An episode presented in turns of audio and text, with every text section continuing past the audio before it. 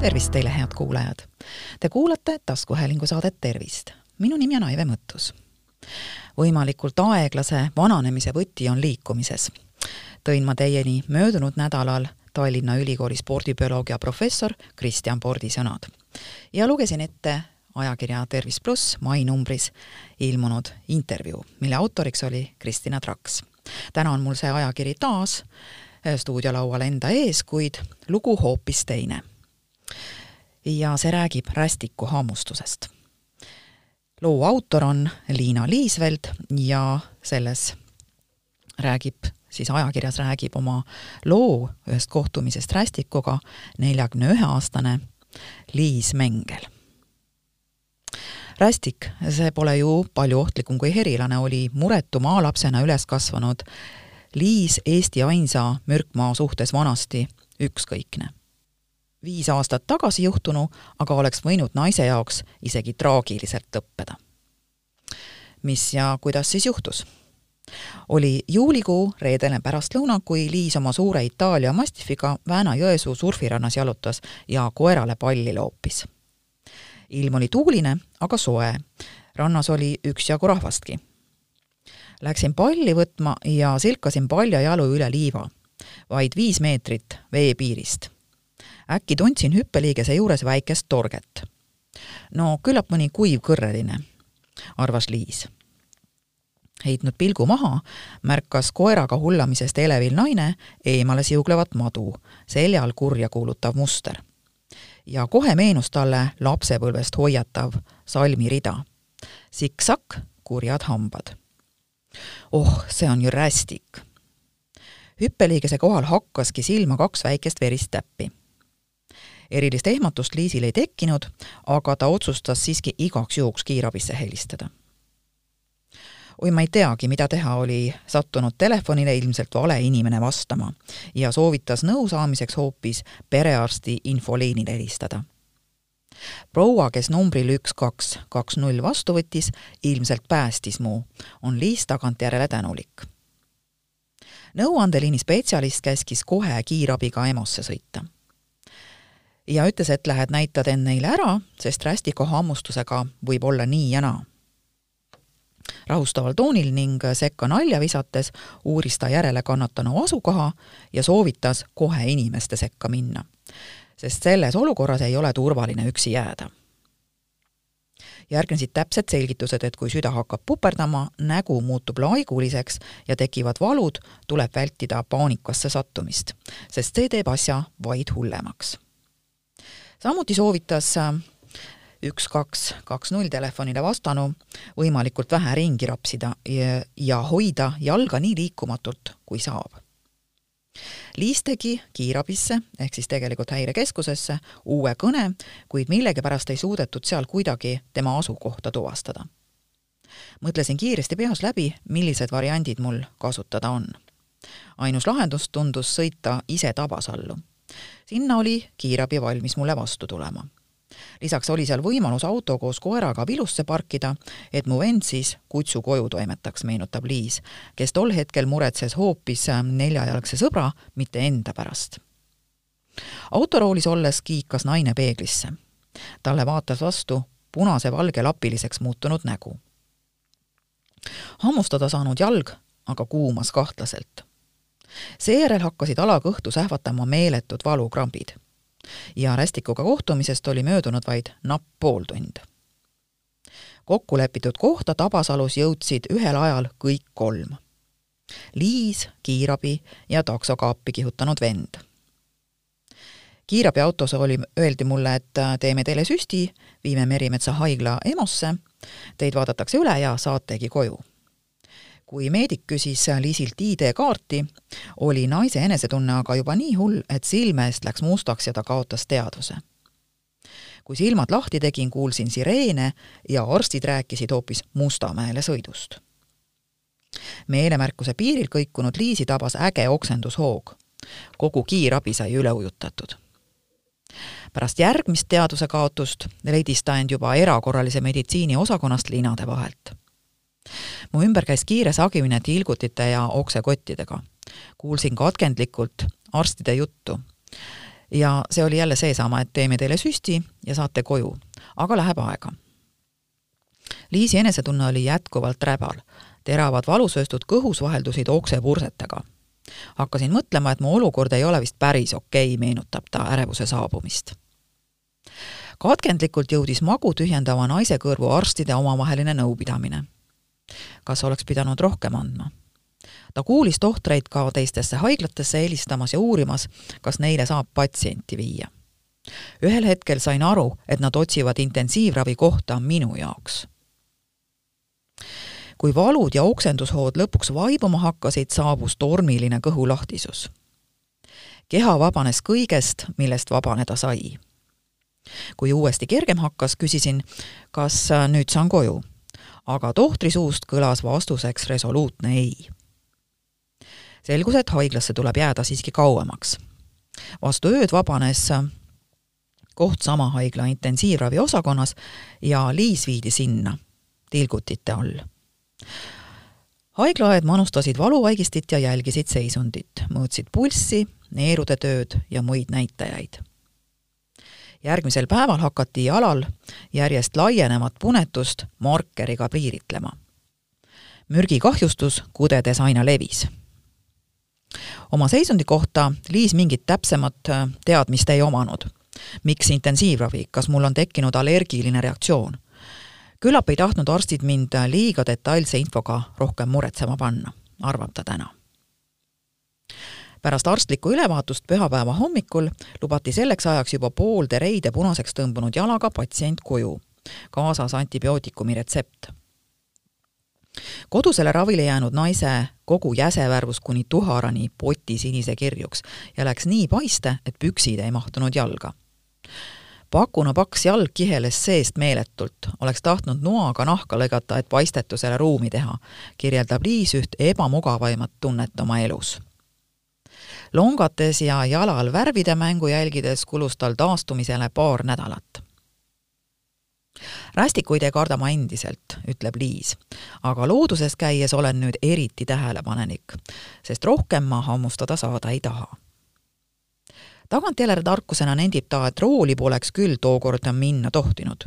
olnuks sõit kaks minutit pikem, kaotanuks ta teadvuse autot juhtides samuti ei häbeneks ta enam sellises olukorras võõrastelt inimestelt abi paluda ja koos kiirabi saabumist oodata. keegi ei saa ju aru, mis sinuga juhtus, kui oled üksi põõsa taha ära minestanud. või veel hullem, autoroolis ära kustudes avarii põhjustanud Põhja-Eesti Regionaalhaigla kiirabikeskuse juhataja Lilian Lääts sõnab, et enamiku hammustusjuhtude korral elu ohus ei ole.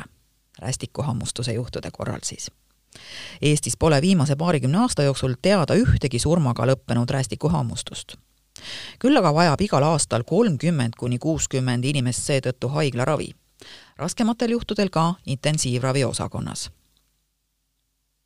Rästikuhammustuse korral on väga oluline jääda rahulikuks ja kutsuda abi kuigi arvatakse, et ligi kolmandikul hammustusjuhtudel inimese kehasse mürki ei satu, ei ole seda kuidagi võimalik välisel vaatlusel tuvastada ja seetõttu on vaja helistada siis kas häirekeskusesse või transportida kannatanu ise haiglasse, ütleb doktor Lääts. rästik inimest niisama ei ründa, hammustamise põhjustab enamasti talle peale astumine, mistõttu lööb madu oma hambad kõige sagedamini jalga salata saanud jäse tuleks käepäraste vahenditega lahastada, et vältida koevedeliku liikumist ja sellega mürgi kiiret edasikandumist ülejäänud kehasse. kui kannatanul on tugev janu, võib talle anda mõõdukalt juua, aga need joogid peavad olema mittealkohoolsed. ja juua ei tohi anda tugeva iivelduse, oksendamise või teadvuse häire korral kindlasti ei tohi kuidagimoodi hammustust kohta lisaks vigastada kas siis mürgi väljaimemine või hammustuskoha väljalõikamine on rahva seas legendina levinud abivõtted, aga neist tuleb hoiduda, sest kasu asemel tehakse vaid kahju, rõhutab arst. samuti pole mõistlik hammustuskohale jääkotti asendada. seegi võib suurendada kudede kahjustust. kuidas aga rästikumürk inimesele mõjub? Talveõnust ärganud rästikul, kes pole veel söönud, on mürginäärmed täis ja sel juhul põhjustab hammustus ka tugevama reaktsiooni. rästikumürk koosneb kudesid lõhkuvatest ensüümidest ja hakkab mõjuma peaaegu kohe organismi sattudes, selgitab tohter. mürgi maksimumtoime avaldub nelja tunniga. selle vastu tugeval allergilisel inimesel võib aga eluohtlik reaktsioon ehk anafülaksia tekkida juba paari minutiga. Allergilist reaktsiooni rästikumürgile esineb õnneks harva, kuid siis on asi kehv, tõdeb doktor Lääts. See on enamasti üks vähestest juhtudest, mil on näidutatud vastumürgi manustamine. vastumürk on olemas, kuid seda kasutatakse väga harva, kuna ka vastumürk ise tekib, tekitab kümneprotsendilise tõenäosusega allergilisi reaktsioone, toob doktor välja murekoha peale allergikute on riskirühmas ka nõrgema tervisega inimesed, kellel on kroonilised haigused ja väikesed lapsed, sest nende keha kohta on mürgi osakaal palju suurem hammustus on seda ohtlikum, mida lähemale satub see kesknärvisüsteemile ehk ajule. seetõttu hoiatab tohter, et rästik võib hammustada ka vees. nimelt meeldib neile roomajatele ujuda ja sellisel juhul ongi hammustuskohaks enamasti kael või nägu. Seega madudega suhtle-, suplemist ma ei soovita samuti on halb, kui mürk otse veresoonde satub, sest sealt pääseb see kiiresti üle organismi levima enamikul inimestel tekib rästikuhammustuse tagajärjel hammustuskohta turse ja valulikkus. jäse võib muutuda ka lillakaks. esineda võivad tundlikkushäired, kirjeldab doktor Lääts. sagedasemad sümptomid on iiveldus, oksendamine ja kõhulahtisus valu ja turse hammustuskohal hakkavad mõne päeva möödudes tasapisi taanduma, kuid täielik taastumine võib võtta lausa paar kuud täiskasvanud peaksid pärast hammustada saamist olema meditsiinilise järelevalve all kuus tundi, väikelapsed isegi ööpäeva. ravi haiglas on enamasti toetav. kaotatud vedeliku korvamine, vajaliku hapniku tagamine, valu vaigistamine. Jälgitakse elulisi parameetreid ja vajadusel sekkutakse kiiresti. tugeva allergia korral manustatakse adrenaliini, selgitab arst intensiivravi läheb vaja eelkõige raskematel juhtudel, kui on tekkinud anafülaktiline šokk.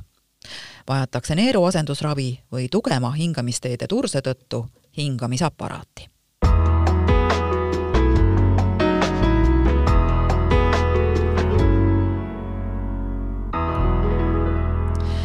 Ja saate lõpetuseks võtame siis kogu eelneva jutu lühidalt kokku. mida teha, kui rästik salvab? rästik hammustab ainult siis, kui talle peale astuda, teda vigastada, puudutada või muul viisil ärritada. rästikumürk iseenesest ei ole surmav, kuid mõnel inimesel võib tekkida rästikumürgi suhtes allergia ning seetõttu võivad üksikud, tõesti väga üksikud ja üliharvad rästikuhammustused lõppeda surmaga. Umbes kolmandikul juhtudest mürki inimese kehasse ei satugi rästikuga kohtudes tasub meeles pidada, et kõik Eestis elutsevad maod on looduskaitse all ja nende hukkamine on keelatud. rästikuhammustuse tunnused ja võimalikud reaktsioonid on järgmised. hammustuskohal on tavaliselt näha kaks väikest, teineteisest umbes viie millimeetri kaugusel asetsevat torkejälge. Tekib nahapunetus ja hammustuskohale võivad moodustuda villid hammustuskoht tursub ja muutub valulikuks. turse võib levida ulatuslikule piirkonnale. esineda võivad kõhuvalu, iiveldus või kõhulahtisus, üldine nõrkus, minestamine, külmavärinad, hingamisraskus, lihastõmblused või krambid. raskemal juhul võib kannatanul kujuneda šokk hea tegutsemistaktika rästikuhammustuse puhul on järgmine. kõigepealt rahusta kannatanut ja palu tal liikumatult lamada. säilita ka ise rahu. muuda hammustuskoht liikumatuks. paigalda kas kompressiooniside või lahas. või lihtsalt ära luba kannatanul jalga liigutada transpordi kannatanu ise lähimasse haiglasse või kutsu kiirabi. Ja veel kord, ära lase kannatanul liikuda üksi olles kutsuge endale telefoni teel kindlasti abi, helistades häirekeskusse numbril üks, üks, kaks. mida ei tohi maohammustuse puhul teha? rästikuhammustuse puhul on igal juhul valed järgmised käitumisviisid. abistajate ja kannatanu paanika, mürgi väljaimemine ning kannatada saanud jäseme liigutamine. Samuti ei tohi kahjustatud jäsemel kasutada žgutti tõsta jäset südame tasapinnast kõrgemale või teha hammustuspiirkonda sisselõiget ega imeda või üritada mürki haavast välja pigistada. hammustuspiirkonda ei ole mingil juhul vaja ka põletada. ja tarbida ei tohi alkohoolseid jooke, sest nende toimel veresooned laienevad ja mürk levib veelgi kiiremini. Enamikel juhtudel ei vaja rästikuhammustus kohest antidoodravi rakendamist antidoodravi, see on siis vastumürkravi. enamgi veel, vastumürk võib ise põhjustada eluohtlikke allergilisi reaktsioone ning selle manustamine on seetõttu ka haiglates väga kindlatel näidustustel teostatav protseduur. nii et rõõmsat ja arrestikuvaba suve teile, head kuulajad!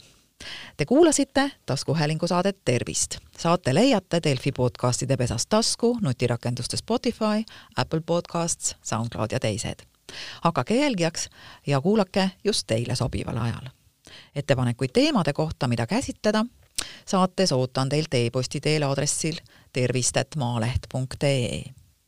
minu nimi on Aive Mõttus, olen Maalehe taskuhäälingu saate Tervist toimetaja.